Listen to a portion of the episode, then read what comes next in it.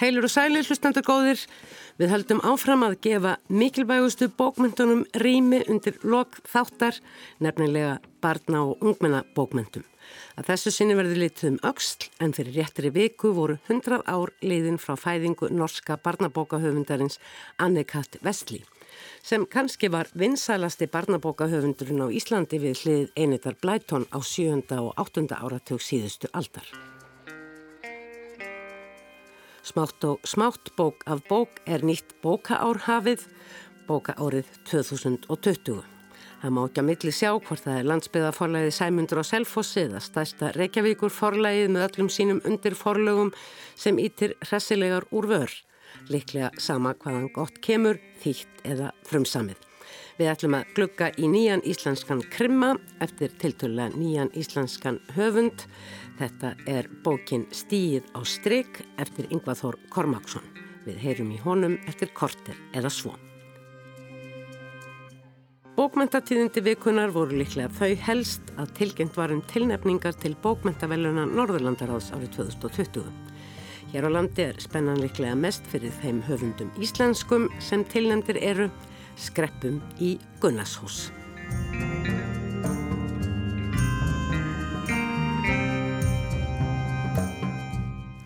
Það verður ekki sagt að það hafi verið húsfyllir í Gunnarshúsi þegar stundvíslega klukkan 11 fyrir háti og 50 daginn var að íslenskum tíma 12 á hátegi á hinum Norðurlöndunum var samtímis tilkynntum hvaða verk og höfundar væri tilnemdi til bókmyndaveljuna Norðurlandaraðs árið 2020.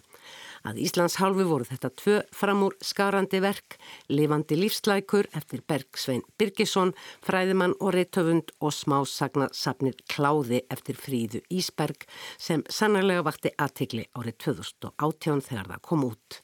Bergsveitn var fjarrri opimberun tilnefningana í Gunnarshúsi því hann er nú á ferð og flugi um Noreg að kynna einmitt hinn að tilnefndu bók sem er nýkomin út í norskri þýðingu og hefur fengið afbraðs dóma.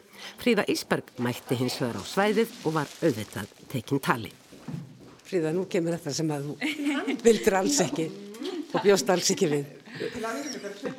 Hvernig var þér við Fríða Ísberg þegar það var ringt í þig? Það er nú mæntalega aðeins um liðið. E, já, bara hissa sko.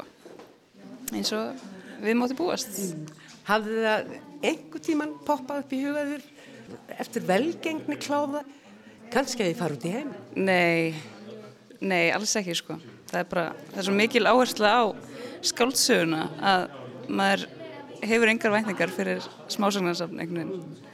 Nú er alveg uh, tvö ár síðan þú skilaður þessu handriti af þér og það er uh, ár síðan uh, svona, það var á hæstu öldutoppum tilnæmt og hvaðina og þú er búin að gefa út eina ljóðabók í middeltíðinni. Hvar er þessi, þarf að draga þessa bók fram? Er hún orðin fortíð að segja má? Já, emmitt það er vissulega smá slungið að standa ennþá með öllu af því að sérstaklega kannski á þessum árum þá er maður að þroskast. Að þú veist, þetta er sömarsögurnar eru skrifaðar í rittlistarnáminu þú veist, og fjögur áregnin fyrir mig núna eru frekar langur tími, langur tími til þess að, að hérna, ætla að gera sömu sögu eins, þú veist. Þannig að vissulega sé ég hluti sem ég hef gert öruvísi en það er ekkert hægt að mm. veist Veistu eitthvað hvað fer núna í hönd í tengslu við þetta? Nei, ég hef ekki hugmynd mm. Tekur bara því sem að höndum ber Já, já Þekkir þið eitthvað til norðarna bókmynda? Nei eða þú veist, ég, ég, jú, ég reyna að lesa það sem er þýtt mm. uh, og ég er svona núna fyrst að reyna að kljást við skandinavisk tungumál mm. bara með ljóðum uh, en ekki, ég er ekki alveg orðin og vík til þess að fara að lesa skannsögur já, prósa, já, prósa á, á uppröndlegu tungumáli sko Uh, Jæja Hassan sem er tilnendur uh, Dani, hann uh, bók eftir hann hefur verið þýtt á íslensku mannst eftir því fári? Já, já, já, já. þetta er náttúrulega bara algjörlega, fenómenon mm.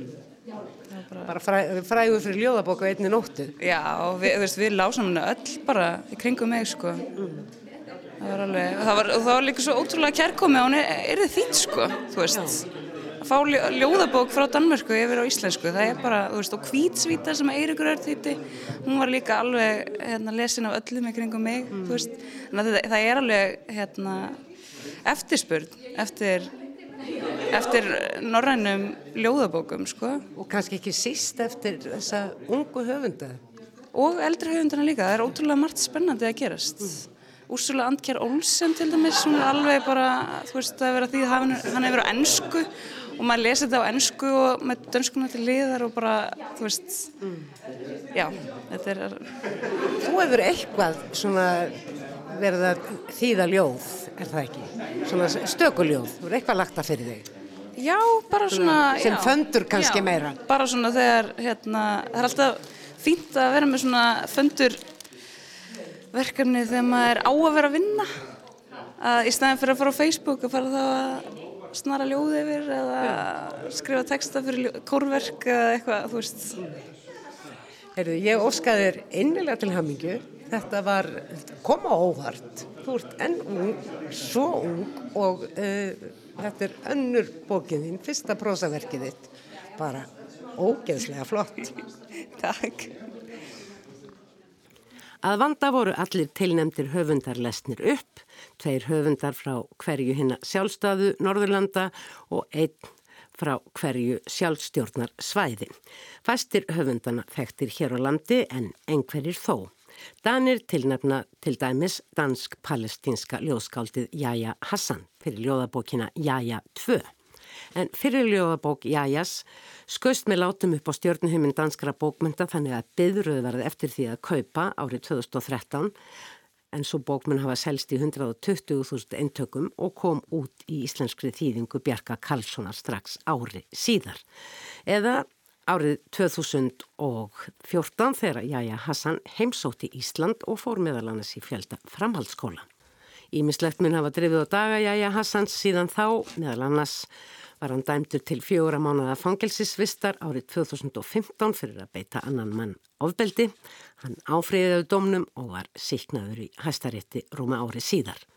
Af þessari tilnefningu má ljóst vera að nýjasta bók Hassan sem kom út á síðasta ári þykir fram úr skarandi í flóru danskra bókmenta þess árs.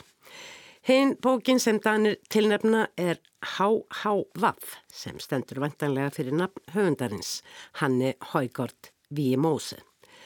Og síðan heldur nafnið áfram sem einhvers konar samhljóðaruna forsnvun og duðsknælið í Amazonas, möguleg þýðing ástfanginu fyrir haus í Amazonas. Þetta er þriðja og síðasta bindi í sjálfsæfisögulegri skáldsögu hann er Haugard V.M.O.S. sem hefur verið búsett á Íslandi og er jafnvel enn. Að minnstakosti kemur hún hingað reglulega og stór hluti þessarar tilnemdu bókar gerist vist á Íslandi. Þá er svíinn stef sem Sandberg, íslenskum lesendum ágætlega kunnur, söguleg skáltsaga hans öregarnir í Lotts kom út í íslenskri þýðingu Ísaks Harðarssonar árið 2011 og á síðasta ári kom út nóvelan Óveðrið í þýðingu Kristínar Bragadóttur. Stef sem Sandberg er nú tilnemdur fyrir skáltsöguna Vaff, tvöfalt Vaff, það er að segja, sem hún vísa til personunar Wojciech, Hermanns sem árið 1821 réði eiginkonu sinni bana og sem segja má að þíska leikskaldið Georg Büchner hafi gert ódöðlegan í leikriti sínu Wojciech sem byggði á dómagögnum þeim sömu og sem Sandberg leggur til grundvallar sinnisögu. Finnar tilnefna svo Móniku Fagerholm sem einhverjir kannast við. Hún skrifar á sænsku og hefur að minnstakosti einu sinni verið tilnefnd áður. Bók hennar sem tilnefnd er heitir Vem dödati Bambi eða Hver drap Bambi og fjallar vist um heið hræðilega fyrirbæri hópnöðgun. Þá verðast íslenski réttöfundar, ef markam á samfélagsmiðla, þekka eitthvað til höfundarinn sem færiðingar tilnefna. Sá heitir Ottfríður Marni Rasmussen og stendur á 50. Hann hefur sendt frá sér fjöldabóka, ljóða og smásagnasöfn sem og þýðingar. Skáltsagan sem nú er tilnæmt, ekki fyrr en tá, verðist vera hans fyrsta og fjallarum afar viðkvæmt efni, sjúkdóm og dauða. Eginmaður segir sögu eiginkonu sinnar eftir að hún greinist með heilaægsli sem leiðir hana til dauða og sagan heldur síðan áfram og fjallar þá um það hvernig eiginmaður tekst á við þennan missi. Um leið verðið sem höfundur eða sögumæður spyrji ímissa spurninga um sjálfsæfi sögarlegar aðferðir. Sunna Dís Mástóttir hefur í fjögur ár setið í Íslensku valnemdini sem velur íslensku tilnefningarnar og á endanum líka verlunaverkið og eh, ég spyr hana hvort að eitthvað hafi komið á óvart í þetta sinn til að mynda aldurspil höfunda til nefndra verka. Þau Fríða Ísberg og Jæja Hassan eru jú mjög ungir höfundar. Mér finnst á mínum tíma í þessari nefnd þá hefur mér fundist svona að vera svolítið að yngjast að hafa komið verið ungir höfundar síðustu ár sem hafa verið tilnefndir Um, Jónas Eika sem fjakk velunin í fyrra nú ekki gamall í hérna, korki er bara í lífaldri e, og þar áður voru tilnæmt tvö smásagnarsöfn eftir unga danska konu og unga, unga norskan höfund sem að voru mjög áhugaverð verk líka. Mér finnst þess að sé svona, já að tegja sig aðeins neðar en það hefur kannski oft verið. En núna finnst mér svolítið eftirtækt að verka hvað eru margar skáldsjúr, þetta eru mjög hérna, mikið af þeim Eins held ég að séu tölverð fleiri karlkinsöfundar tilnefndir í ár heldur en í fyrra til dæmis. Það var svolítil svona hvern slags því það ef svo má segja. Þannig að það er bara, það er skemmtilegt að fylgjast með sveiblunum í þessu. Og nú ekki eins og domnendirna ráðfæri sig við hver aðra sko í, á millilanda, þannig að það er Þetta er, þið hafið mikið sjálfstæði og í raunindaldin svona þrið með bæði ykkar bækur og svo síðar þegar þið farið að lesa allar hinnar og reyna að koma þeim bókum áfram sem að ykkur þykja bestar og þykir náttúrulega oft hverjum sinn fuggfagur? Já, já, það er þannig fyrir alla held ég að okkur, okkur þykir væntum okkar fuggla auðvitað. En jú, þetta við höfum mikið sjálfstæði í þessu auðvitað þegar við tilnefnum sjálf. Það eru þrýr í nefndinni, tveir aðalmenn og einn varamæður sem, sem að vinna saman að þeim tilnefningum öllum og eins þegar að, að fundi Norrænu nefndarinnar kemur þá er það mjög bara personubundin ákvörðun hvaða verk maður vil uh, sjá áfram og, og, og svona smá saman þrengist ringurinn.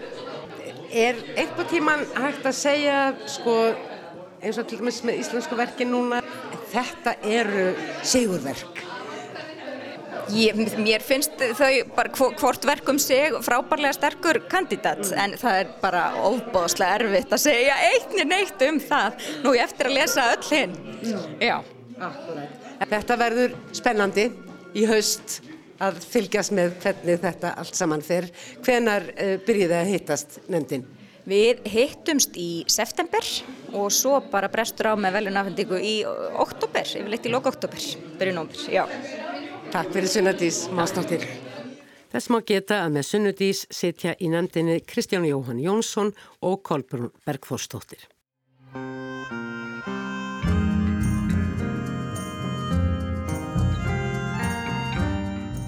Glæpasögur eru farnar að sitra út á markaðin, þýttar jæmt sem frumsamdar.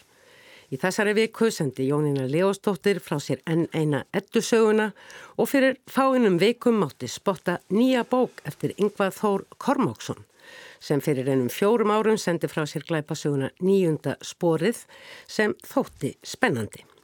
Yngvið Þór er félagi hinn í Íslandska glæpafélagi og hefur fengið verðlaun þess félagskapar Gattakilfuna fyrir glæpsamlega smásögu. En nú er sem sagt komin út nokkuð stór og nokkuð flókin glæpasaga stýð á streik. Það segir frá allajóni þurrum alkoholista á miðjum aldri sem vinnur í hálfustarfi sem sögukennari og í hálfustarfi sem þýðandi. Egin konan Elsa hefur yfirgefið hann og börnin eru fluttað heimann. Alli Jón á sér fortið í hljómsveitabransanum og grunn efni sögunar tengist einmitt þeim bransa og hefst með því að lík gamals bransakalls finnst í rótþró og skömmu síðar fær Alli Jón aðfendan skókassa með nótnablöðum og gömlum tölvudiskum. Þetta mynda svona eins og rauðan þráð glæpasögunar þótt ímislegt fleira fléttist inn í og kannski er þetta ekki síður saga um hljómsveitarbransan heldur en glæpasaga uh, Yngvi Þór Kormáksson. Já, þessi hljómsveitabransi uh, svona kíkir í heimsóknni sögunni að það verið að rivja upp gamla sögur og svona í og með en, en það er svona frá fornum tíma, frá síðustu öld jú, jú. helst. Sveita böll út um allar jarðir, ekki síst á Snæfellsnesi. Aðeins komið inn á það, já. Sem er uh, líka sögusviðið í fyrribókinni sem ég nefndi. Og það er tengast nú jafnvel meira heldur en bara já, það, það að Snæfellsnes komi fyrir í þeim báðum. Já, já, það eru eiginlega sömu personur þarna, tengjast lauslega. Mm. Í nýjöndasporinu sem kom úr 2016 var Snæfellsnes eða undir jökli sögusvið, daldi mikið sögusvið mm. en, en það er bara rétt svona minnst á það í, þessari. Allir Jón kemur á Snæfellsnesið á dvaldi þar í bensku og það hefur verið spilað þar á ymsum böllum og svo leiðis. Hvað kom fyrst? Glæpurinn eða hljómsveitar sögurnar allar? Já, það, ég... Þetta snýst jú um músík. Það byrjar á því. Já, þess að það má segja það að hluta til. Það byrjar þannig og, og, og síðan gerist nú ímslitt annað og, og þessir tveir kumpánar sem eru þarna söguhetjur Allir Jón og Egil Vinnurans Egil Vinnurans sem, sem var, var ekki í nýjundasporinu og aðal sögumæður þar sögumæður þar þeir fara að skoða þetta gamla efni tónlistarefni og, og, og, og lenda svo í í raun og allt öðru. Þannig að það hérna bara mittin í svörtustu glæpastarfsemi okurlánastarfsemi, eiturlifja ræktun, uh, smikli dreifingu, mannsali jafnvel, hver veit? Já, já það er hérna og þetta, þetta er náttúrulega bara svipað einhverju sem var í fréttum núna síðastlið haust með, með hérna eiturlifja framleiðslu og þínlíkt og, mm. og Og, já, já, þetta og, var margt mjög kunnulegt. Já, og, og ég skrifa þetta svona að mestu leiti sömari 2016 og gerist þar á þeim tíma þessi saga og þá var bara það er ýmslegt svipað í, í þjóðlefinu og það verður svo mikið breyst hvað þetta varðar þannig að hann fikk nefna bransa þannig séð sko mm og svo er svona minnsta politík og ýmislegt sem er í gangi og ég vil bara hópoltan og, og svona og það mm. er annulegu 2016 heldur en 2019 og í, í efstu delt og svo leiði sko mm. og fremst í bókinni stendur bara 2016 Þa, það er árið sem þetta gerist nákvæmlega Á. en það sem ég fannst líka merkilegt, þetta er jú leikmaður allir Jón og sem að þvælist inn í að rannsaka já, bæði þetta döðsfall svona öðrum þræði já. og innihald þessa kassa mm. og hvernig það uh, tengist ímsu fólki mm -hmm. og það verða svo sem fleiri döðsföll og ekki eru öll döðsföll endilega morð Nei að svona hvernig þú dregur upp þessa mynd af þessum hljómsveitabransa og náttúrulega eiginkonum og kærustum, þetta eru yfirleitt allt strákar úr bransanum en svo eiga þeir eiginkonur og kærustur og einbildætur og eitthvað. Allar þessar tengingar, það er alltaf einhver, verður alltaf að hitta einhvern sem að tengist þessum eða hinum, þannig að þar verður eiginlega svona plottið til, leiðir plottsins. Kom þetta svona allt í einu eða hvernig dróstu þetta upp? Ég held að það hef bara gerst smátt smátt mm. og, og eiginlega óvart þannig að ég skrifaði einhvers konar uppkast þetta, þetta sömur þarna 2016 og og svo veit ég eiginlega ekkert hvað er í vændum mm. og, og ég þetta er svona skemmtisaga Jú. Ég lít þannig á og, og, og kannski daldi óhefbundin glæpatsaga, þetta er kannski bara skáldsaga með glæpsamlu íðaði og að því ég er skemmt að sjálfur mér með, með því að skrifa hana þá bara læti koma mér á óvart hvað kemur gerist, hver þróunin verður í henni. Og, og, sko plottið er kannski, eða fléttan sem við kallum, er, Mm. er kannski ekki svona sterkasta atriði í bókinni en er samt til staðar Mm. og svo er þetta hangirað saman við þessa fyrir sögu dálhleiti að kannski er glæpurinn eða einn glæpurinn ekki upplýstur í sjálfu sér en, en hins, Nei. hin, e, e, nema þannig að lesandinn fær þó fullnægjandi skýringu Mm. ég var að hugsa um það sko að- ekki eru allir glæpur upplýstir. Nei og það er svolítið verið að velta fyrir sér söguhetjan og vinur hans. Uh, það kemur svona upp í þeirra huga og samskiptum til hvers að uh, upplýsa sumt, má ekki líka stundum bara Já. satt kyrt liggja, mun einhver, uh, einhver vera betur settur með einhverja aðra niðurstöðu heldur en að þetta líki bara í þagnargildi. Jú, jú, okkur Og það er líka, er það ekki pæling í nýjunda sporinu? Svo Jú, litið. það er það. Þannig, þannig sipur hann saman þessum sögum. Þó, þó. Lífið er fullt af lindardómum. Já, já, emitt. Og svo er það alkoholismin sem að uh, tengir þessar bækur. Nýjunda sporið uh, vísar nú beint í uh, AA-samtökin en Alli Jón er svolítið döglegur við að halda sér þurrum og fer reglulega á fundi. Og Já, það, það svona, finnst mér dálítið áhugavert sjónarhótt og, og sko oft eru verið að fjalla kannski um fíkn og því um líkt og, og það er einhverja fyllir í sögur en ég vil kannski frekar skoða e, þá einstaklingar sem að hafa sagt skilið við fyrir lífverðni en þó þannig þegar ég lenda í þessum aðstæðum að þeir eru að kljást við einhverja hérna sem eru að framleiða og dreifa e, fíknefnum að, þá þekkja er líka hinnendan þeir hafa sjálfur verið þarna þó þessi löngu búin að löngu hérna búin að skilja við það þetta fyrir lífverðni og svo líka svona bara hann er í tilvistakreppu þessi aðalpersona og það getur gerst jafnvel þótt að menn hafi, hafi nýtt líf og, og líðið svo sem ágætlega og, en það ko- koma upp vandamál og, og, og hann er bara þjá, hann þjáist af lífsleiða Já, og, og, er... og kannski ekki síst vegna þess að konan fór frá honum og leiðist út í að rannsaka þetta eh, Svona dunda sér já, dunda sér svona eiginlega til þess að stýtta mm. tíman og Þetta er mikill kallakreimið. Það eru eiginlega bara kallar sem koma við sögu svona í þessum hljómsveitabransa og í glæpamálunum. Sumir eiga sér ágættar stóðir, eh, konur, eiginkonur eh, og eh, kærustur og hvaðina. En þetta eru kallar sem að ganga þarna fram, sumir bara ansið þjóstnarlega og það eru slagsmál. Hvernig fannst þið gaman að skrifa þessi slagsmál? Mér fannst það nokkuð samfarandi.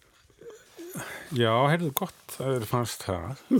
Eh, Þau bara eins og ég segja, eh, eins og ímislegt annað í bókinni bara mm, gerðust. Eh, Þannig að það var ekkert skipilegt að hafa slagsmál og, og þetta er náttúrulega mjög fjari Child eða einhverjum ofbeldiskrimum mm. þar sem menn eru með stór skoltvopn og, og salla menn niður í, í róleheitum. Er, það er bara vallað vopn komi við sögu. Það er einn byssa af einhver stað. Já, ég, hérna, er það ekki íslensku veruleiki? Maður verður að halda sig í íslenska veruleika sem, sem er uh, ekki eins, eins og hjá Jack Reacher. Mm. Reyndi að segja Jack Reacher á einu staði í bók að mér leið eins og ég væri venjulegur um stund en svo jafnaði ég mig. og, og hann er náttúrulega óvinnilega maður, svona einhvers konar ofbeldis jóki Já, en, en mín persóna, aðalpersóna er vola vennilegur karakter þannig, en hann verður að hafa einhverja, eitthvað svona sérstakt við sig og hann er með svona einhvern móta þráhyggju og þetta líka hann er fyrirvændi fyllbytta Mm. og svo framvegis En hann leggur sig æfinlega fram við og segir það reynda sjálfur á einhverjum stað að reyna að ímynda sér aðstæður móta aðilans. Þess sem hann er að tala við eða rífast við eða og svo framvis. Reynir það svona á stundum allavega? Já, allir mm. ekki. Uh, ég vona sér ekki samt sko sjálfhverfu þannig en Nei, það er kannski fylg, ég fannst það nokkuð. Nei, alls Nei, ekki. Ekki til vandrið að. Nei, sveimir þá. en uh, það er fyrstu persónu frá sem getur kannski orðið þannig. En við fáum nú svo sem líka ímis önnur sjónarhorn í já. þessari sögu. Þú skrifar 2016 kemur nýjöndasporið út. Já.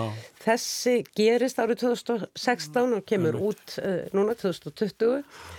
Uh, á að koma þriðja bókin eða er snæfylgsnesið búið að tæma það af glæpum eða glæpa uppsprettu? Ég sér, ég veit ekki, ég, þegar ég raug til og, og skrifaði semst fyrstu uppkast að þessari og svo bara hætti ég við hana og þess vegna hefur liðið svona doldið langa tími og var ekkert að sinna þessu lengi sko og hugsaði reyndar já að geti orðið orði, uh, þeirra hérna bók en hafa þetta svona trilógi en ég hef bara ekki nefnt að skrifa neitt síðan, síðan sko Þú er bara í músikinni? Já, svolítið hún hefur tekið svona doldið bara minn tíma, frítíma mm. Ég verði að segja að ég var rétt hægt tvo sólarhinga svona með öðru að lesa þessa bók því að þó hún sé næstu 300 blassiður því að hún er bara svo helvítið spennandi.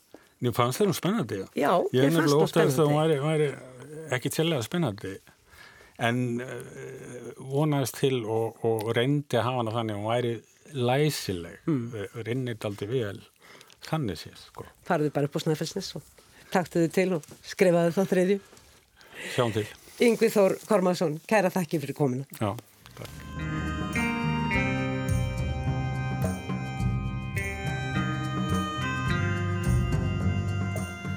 Á dögunum nánar tiltekið 15. februar síðastliðin voru 100 ár liðin frá fæðingu norska barnabóka höfundarins Ann-Kat Vestli sem sannarlega á sína aðdáendur á Íslandi og reviðuðu af þessu tilefni margir upp ljúvar bensku minningar með Óla Alexander Fili Bom Bom Bom, ömmunni og börnunum átta í skóginum, áróru og fleirum.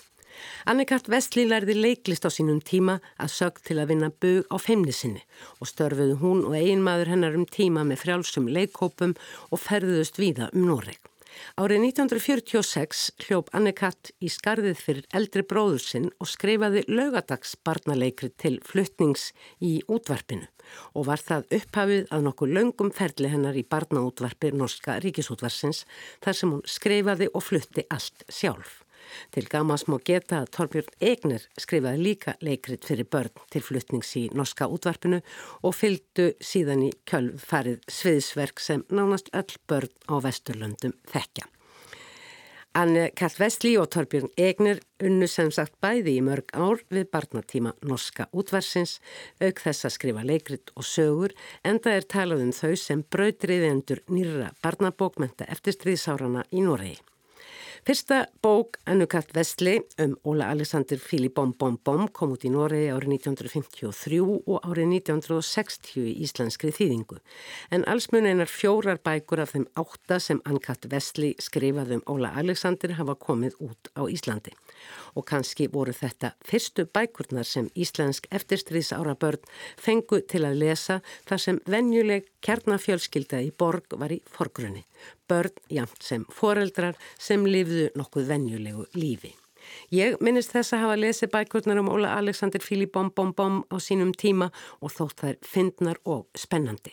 Bækurnar um börnin átta og ömmu þeirri í skóginum komu hins vegar út aðeins of sent fyrir minn aldur, las þær þó að ég held fyrir yngri bræður, líklega verið mér afsökun fyrir því að lesa niður fyrir mig í aldri. Nú þegar ég horfi meirinn halva öll tilbaka er það persóna Petru Frængu sem fyrst kemur upp í hugan úr sögunum um Óla Alexander.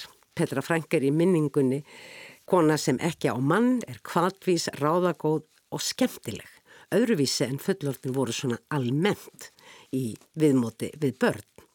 Annars fjalla bækunar um Óla Alexander Engum um vinna þrjá Óla Alexander Ídu og Mons og það sem þau eru svona að stella dags daglega í skóla og leik. Bækurnar um Littla bróður og stúf byrjuði að koma út í Noregi árið 1962 en bækur úr þeim pókaflokki kom ekki út á Íslandi fyrir nú 8. áratögnum.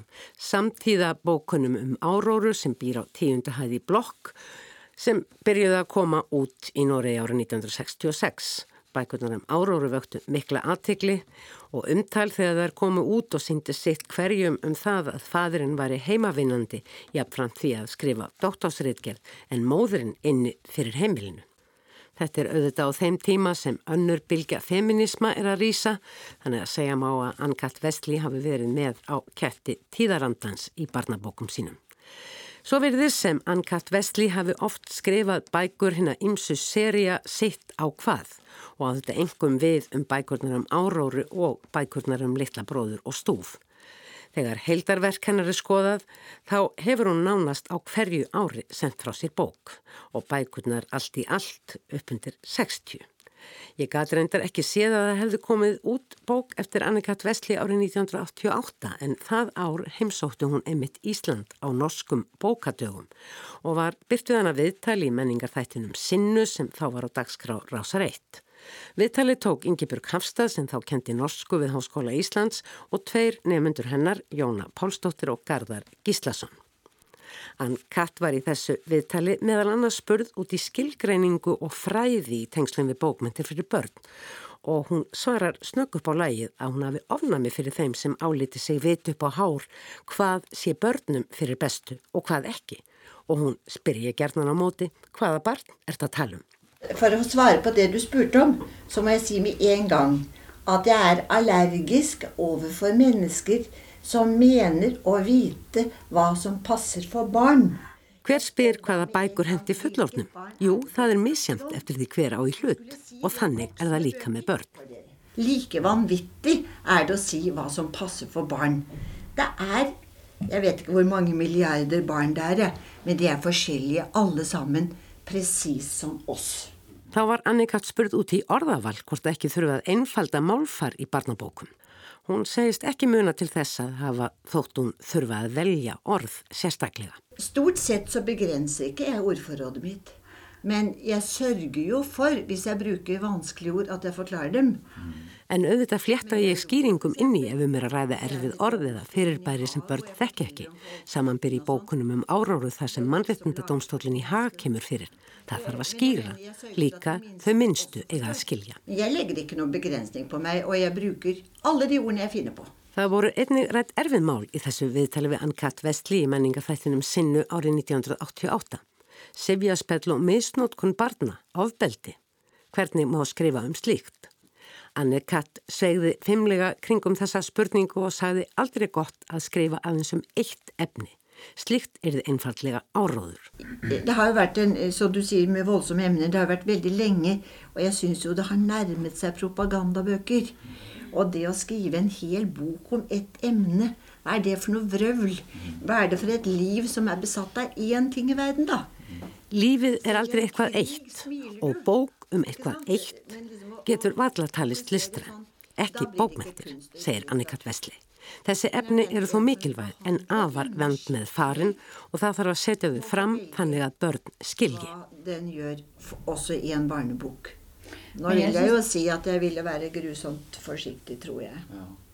Akkurat på de emnene du sa nå, med incest og voldtekt, ja. Jeg ville være for, de små, for, for større. Að lokum saði Annikat Vestli í þessu viðtali að auðvitað mætti ekki útiloka neyn vandamál í barnabókum en huga að því hvernig þau byrtist börnunum í bókunum. Börn eru ímist leið eða glöf og hún, Annikat Vestli, væri þeirrar að sumra áliti glæpsamlegu náttúru að leysa vandamál, auka gleði. Barna oppfatter ganske andre ting. De oppfatter at folk enten er lei seg eller glad, at de har kanskje problemer. Jeg er da så forferdelig forbrytersk at jeg løser problemene. Det er jo helt galt i vår tid. Man skulle ellers helst si til barna at alt går til helvete. Det er ikke noe håp. Vil, ég leiði ekki að allt fari til helvitis í bókunum mínum, segir hún. Það er líka brosað í stríði. Mikilvægast er að ræða saman, fullornir og börn og á forsendum begja. Börn þrá ást og hlottnist þeim hún ekki fyrir illa. Sóknin eftir aðtikli yfirtekur allt og það samer með fullorna, lítum bara í kringum okkur. For barna går jo og tørster etter kjærlighet, og når de ikke får det, så slår de seg vrange for å påkalle oppmerksomhet. Og det gjør vi voksne også, hvis dere bare legger merke til oss. Så jeg mener jeg har latt de voksne være vettuge folk som hører på, gir seg tid til å svare.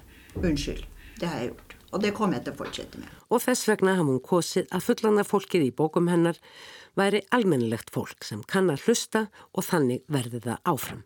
Sagði Ann-Kat Vestli í viðtali í menningarþættunum Sinna á Rás 1 árið 1988. Og þannig er það því bækurnar lifa þótt Angat Vestli hafi fallið frá árið 2008.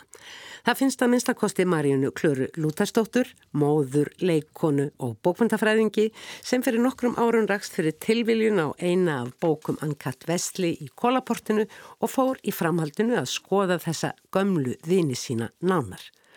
Hvernig fannst þér Maríana Klara þessar bækur hafa elst?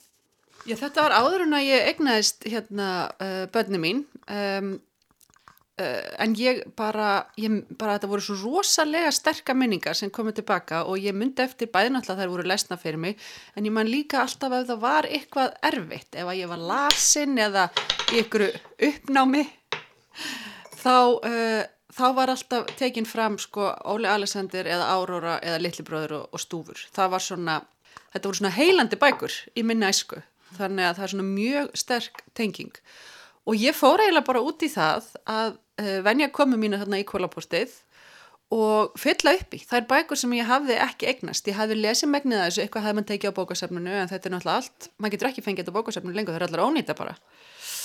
Upplestnar. Þannig að uh, ég fór bara að kaupa inn í þetta allt saman og líka ég hafði ekki lesið alla bækurnar um ömmu og áttaböndin í skóginum Þannig að ég keipti þetta bara allt saman inn í og var komið með bara nokkuð gott samt þegar ég byrjaði svo eignast bönn sem að kom sér nú aldeilis vel. Og eldust þar vel, já er eldust vel.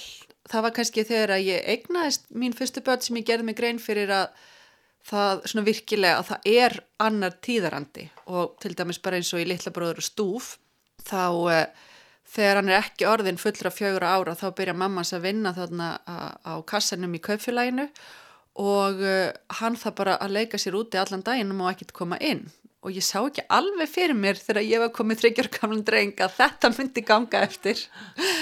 Og líka bara svona ábyrðin sem er lögða á hendur uh, á herðarbönnunum en nú ger ég mér ekki grein fyrir hvort að Annika Þvæsli þekkti alveg sérstaklega þægu góð bönn eða hvort að það var bara, og það voru náttúrulega gerðar allt öruvísi kröfur til badna og eitthvað sem að maður geti jafnvel upplifa sem vanræksla í dag var það alls ekki að því að hún er nú ekki að fjalla um uh, þannig fjölskyldu minnstur, bara alls mm. ekki og annað sem að hefur ekki elst illa, ég myndi ekki segja það en uh, lýsir bara öðruvísi uh, heimi en samt kannski alls ekki að fjarlægum eins og áringefa til kynna er náttúrulega fjölskyldu formið í hérna, Árur og Sókrates þar sem að sem hefur alltaf verið bildingakent á þeim, tím, þeim tíma og ég, hún var mikið gaggrind fyrir þetta.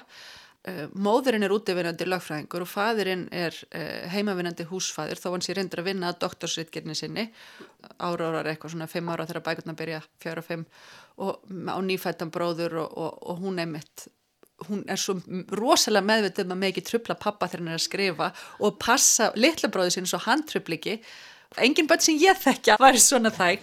En, uh, en þetta kemur samt ekki að sög uh, af því þetta eru samt svo ótrúlega samfærandi heimur barsin sem hún dregur upp og samfærandi persónusköpun. Og ég man að ég speiklaði mig í þeim þó að ég ekki verið svona þægt barn. Og börnin mín speiklaði sig í þeim þó að þau hef ekki verið alveg svona þægt barn mm ekki frekar heldur en að, að það tröfla mann ekkert þegar maður er að lesa línu langsokk uh, þá að maður sofi ekki sjálfur með fæturna upp á kottanum og höfuðið indi seng mm. maður getur samt tengt sig svo auðveldlega við hennan heim en, uh, en það er mjög skemmtilegt hvernig það er líst einmitt í Árur og Sókrates fordómatni sem pappin mætir að því hann er heimavinnandi og þegar þið fara á heilsugæsluna þá uh, ég bæði fordómar en líka hérna, fólk, konurnar ætla að gera allt fyrir hann mm. svo hann þurfi nú ekki að vera að hafa fyrir þessu og og ekki síður náttúrulega verður uh, móðir áróru fyrir bara sko, næstu því aðkasti að því að hún er útivinnandi og, og skilur uh, mm. börnin eftir hjá, hjá pappanum og uh, það er mjög áhugavert að lesa hva, hvað hefur breyst en líka hvað hefur ekki breyst af því að þetta er náttúrulega jafnilegan í dag óvenjulegra svona fjölskyldumunnstur.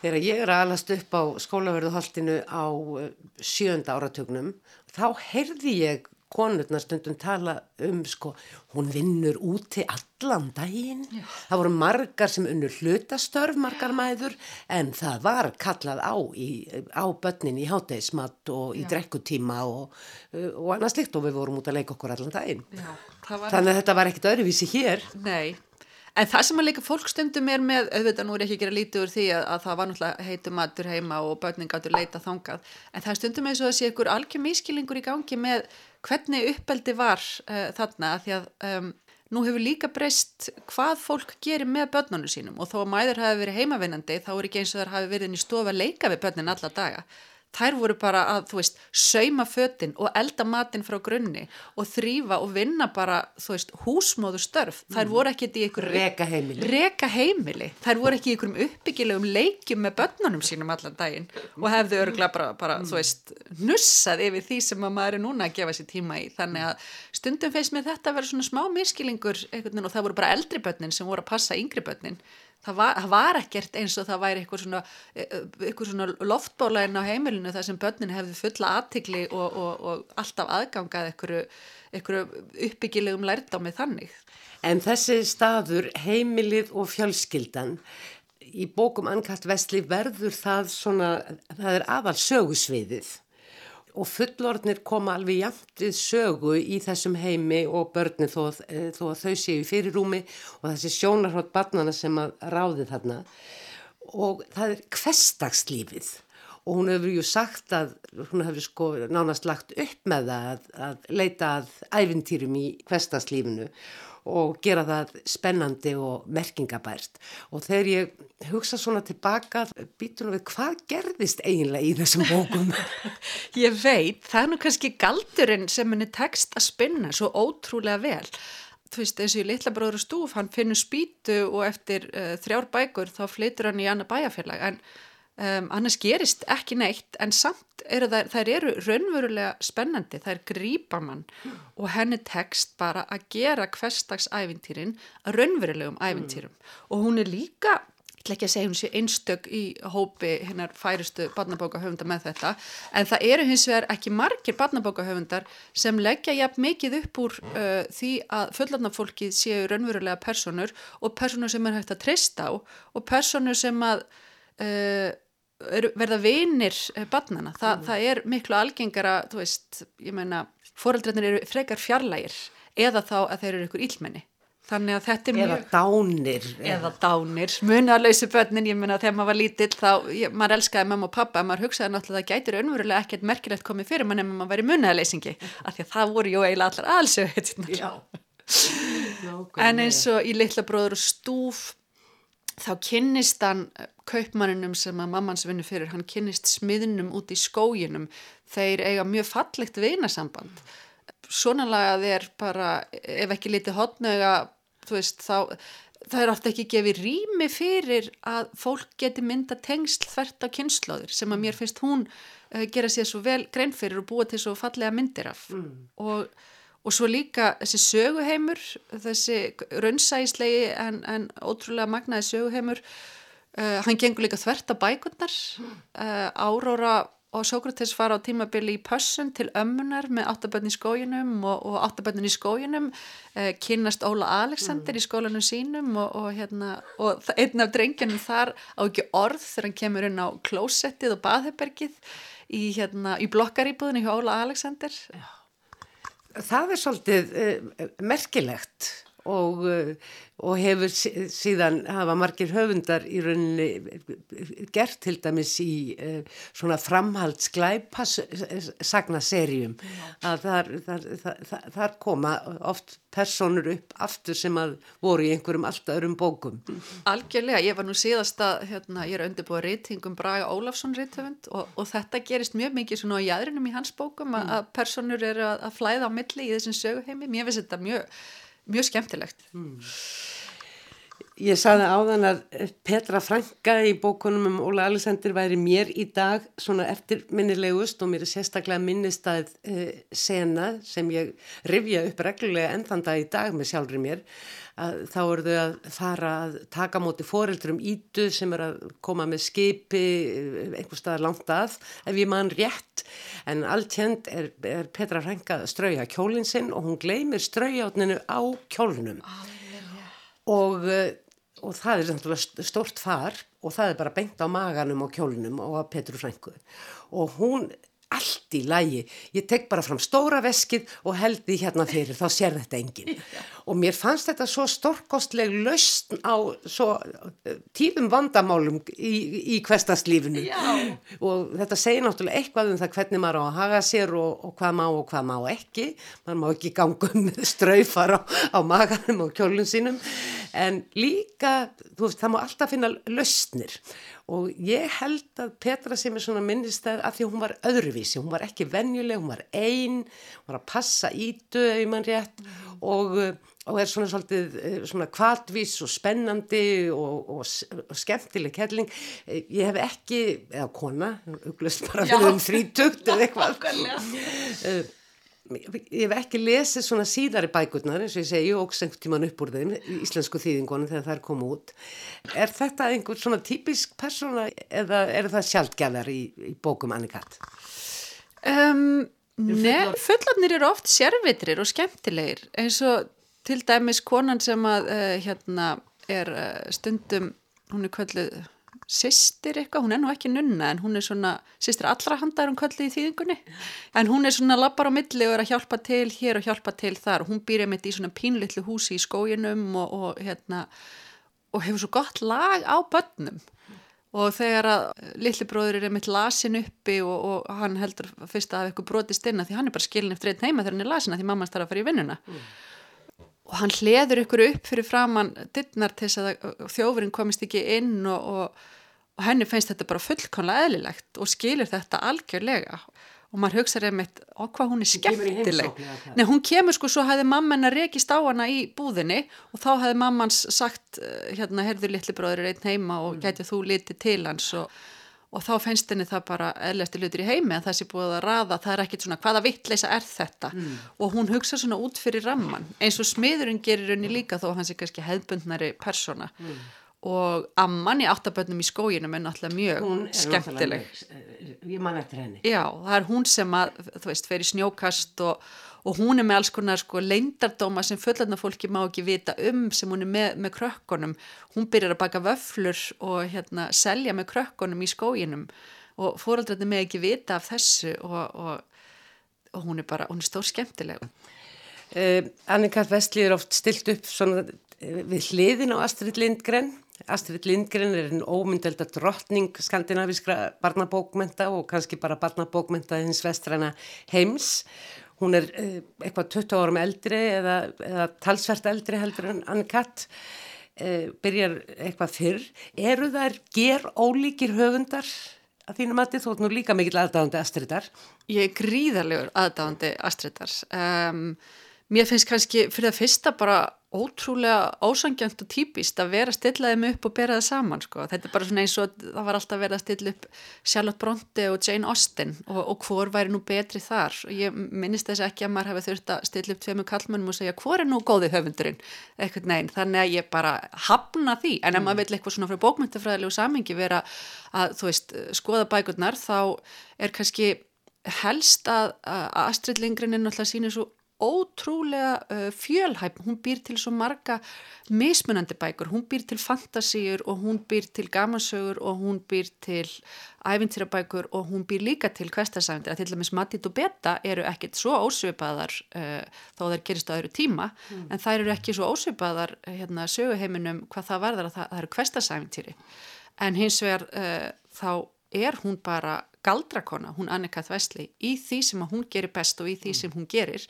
og Astrid Lindgren gerir það ekkit betur en hún. Þessi kvestaseimur, þessi raunsægislegi heimur með stórkoslegum sigrum og sárum vonbreyðum og, og innilegri gleði eh, sem að hvert barn hlýtur að upplifa í sínum eh, heimi það tekst bara einhverjum betur að fanga það heldur en, heldur en henni. Og það reyndi ég á mér og það hef ég reynd á börnunum mínum, ég veit ekki hvaða bækur við höfum lesið oftar heldur en litli bróður stúfur, ég og svona minn. Og nú er hann án áttara en hann var nú að spyrja um daginn fyrir ekki að vera komin tími til að lesa litla bróður stúf fyrir mýju sem er þryggjara og ég sagði já auðvitað hann þannig að fara að heyra þar aftur. Það er svona örgulega ársíðan minn lásum það síðast.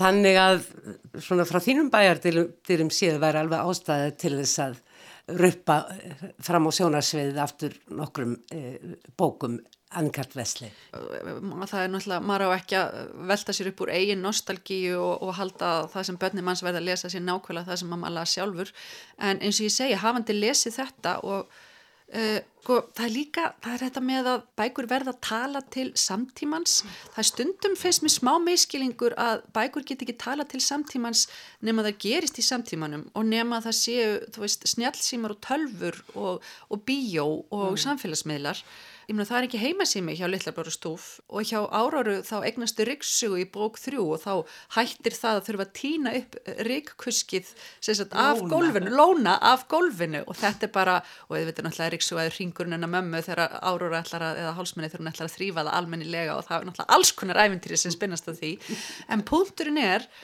þetta eru bara manneskjur, ótrúlega vel skrifaðar manneskjur og það skiptir bara engu máli hvort að það sé snjálfsými á heimilinu eða ekki mm. börn tengja sig við uh, manneskjur sem eru vel skrifaðar og raunverulegar eins og, eins og það er sjálfar mm. og svo er líka bara þú veist þegar Áróra flytur í blokkina þá er strákur sem hún er rosa hrættu við, við sem er eldri þarna og hún þarf að bara díl, læra að díla við samfélagið í blokkinni ég sé ekki fyrir mér að bat sem flytur í blokki dag þau eru ekki að gangi gegnum nákvæmlega sama hlut mm. og bara öll þessi, öll þessi Þessar hindranir sem að mæta manni í lífinu sem að Annikast tekst að búa til spennandi æfintýri úr. Hafa bækur Annikat Vestli sem að þetta voru ju margar bækur mm. og uh, okkar barnabókahöfundar í dag hafa væntalega, já, margir hverjir hafa lesið þessar bækur kannski sjálfi sem börn. Það einhver líkindi, það einhver áhrif hennar bóka eða er þetta bara hluti af ákveðinni bylgu í barnabókmyndum sem að líka gerði vart við sig hér en þá kannski síðar? Ég veit ekki hvort að það eru áhrif frá henni eða, eða bara þeim ströymum og stefnum sem hún var sjálf fyrir áhrifum af en svona ef ég hugsa bara um raunsægi og svona hverstasævintýri í barnabókum þá þá dettur mér í hug uh, sérstaklega kannski fyrstu tvær randalín og myndibækunar þar sem að gerast bara svona í hverfinu þeirra svona alltaf lendaði í meiri ævintýrum en, en það svona, þar, þar eru svona hverstags ævintýri. Það er ævintýri að kynast bara ykkurum í næsta húsi og það þarf ekkit meira til að halda upp í heitli bók þegar þetta er vel skrifað. En ég veit það ekki. Ég myndi kannski ekki segja að þetta væri svona mjög íslensk hefð en uklust gætir áhrifa hennar svona kannski sáhöfundur íslenskur sem að kemur fram á sjónasviðið og daldið umbyltir íslenskum barnabókmyndum er Guðrún Helgadóttir. Já, ég, ég myndi nú einmitt segja líka sömar bækur hennar myndi algjörlega uh, falla undir kannski svona sama kvestæslega raunsæð. Mm. Um, í rauninni sittir Guðs englar og þær, það því þær eru sögulegar þá upplifum maður það aðeins öðruvísi en það er samt svona ævintýrin og átökin í sískinahopnum þar uh, eru algjörlega falla undir þetta. Mm. Jón Oddur og Jón Bjarni er eiginlega svona, kalla meira á Astrid Lindgren, það er svona, svona æslafyllri aðeins, meira svona Emil í Kattholti, en uh, jú, vissulega, Guðrun Helgadóttir, hérna, uh, þær eru alveg uh, andlega skildar í sérstaklega í sumum bókum. Mm.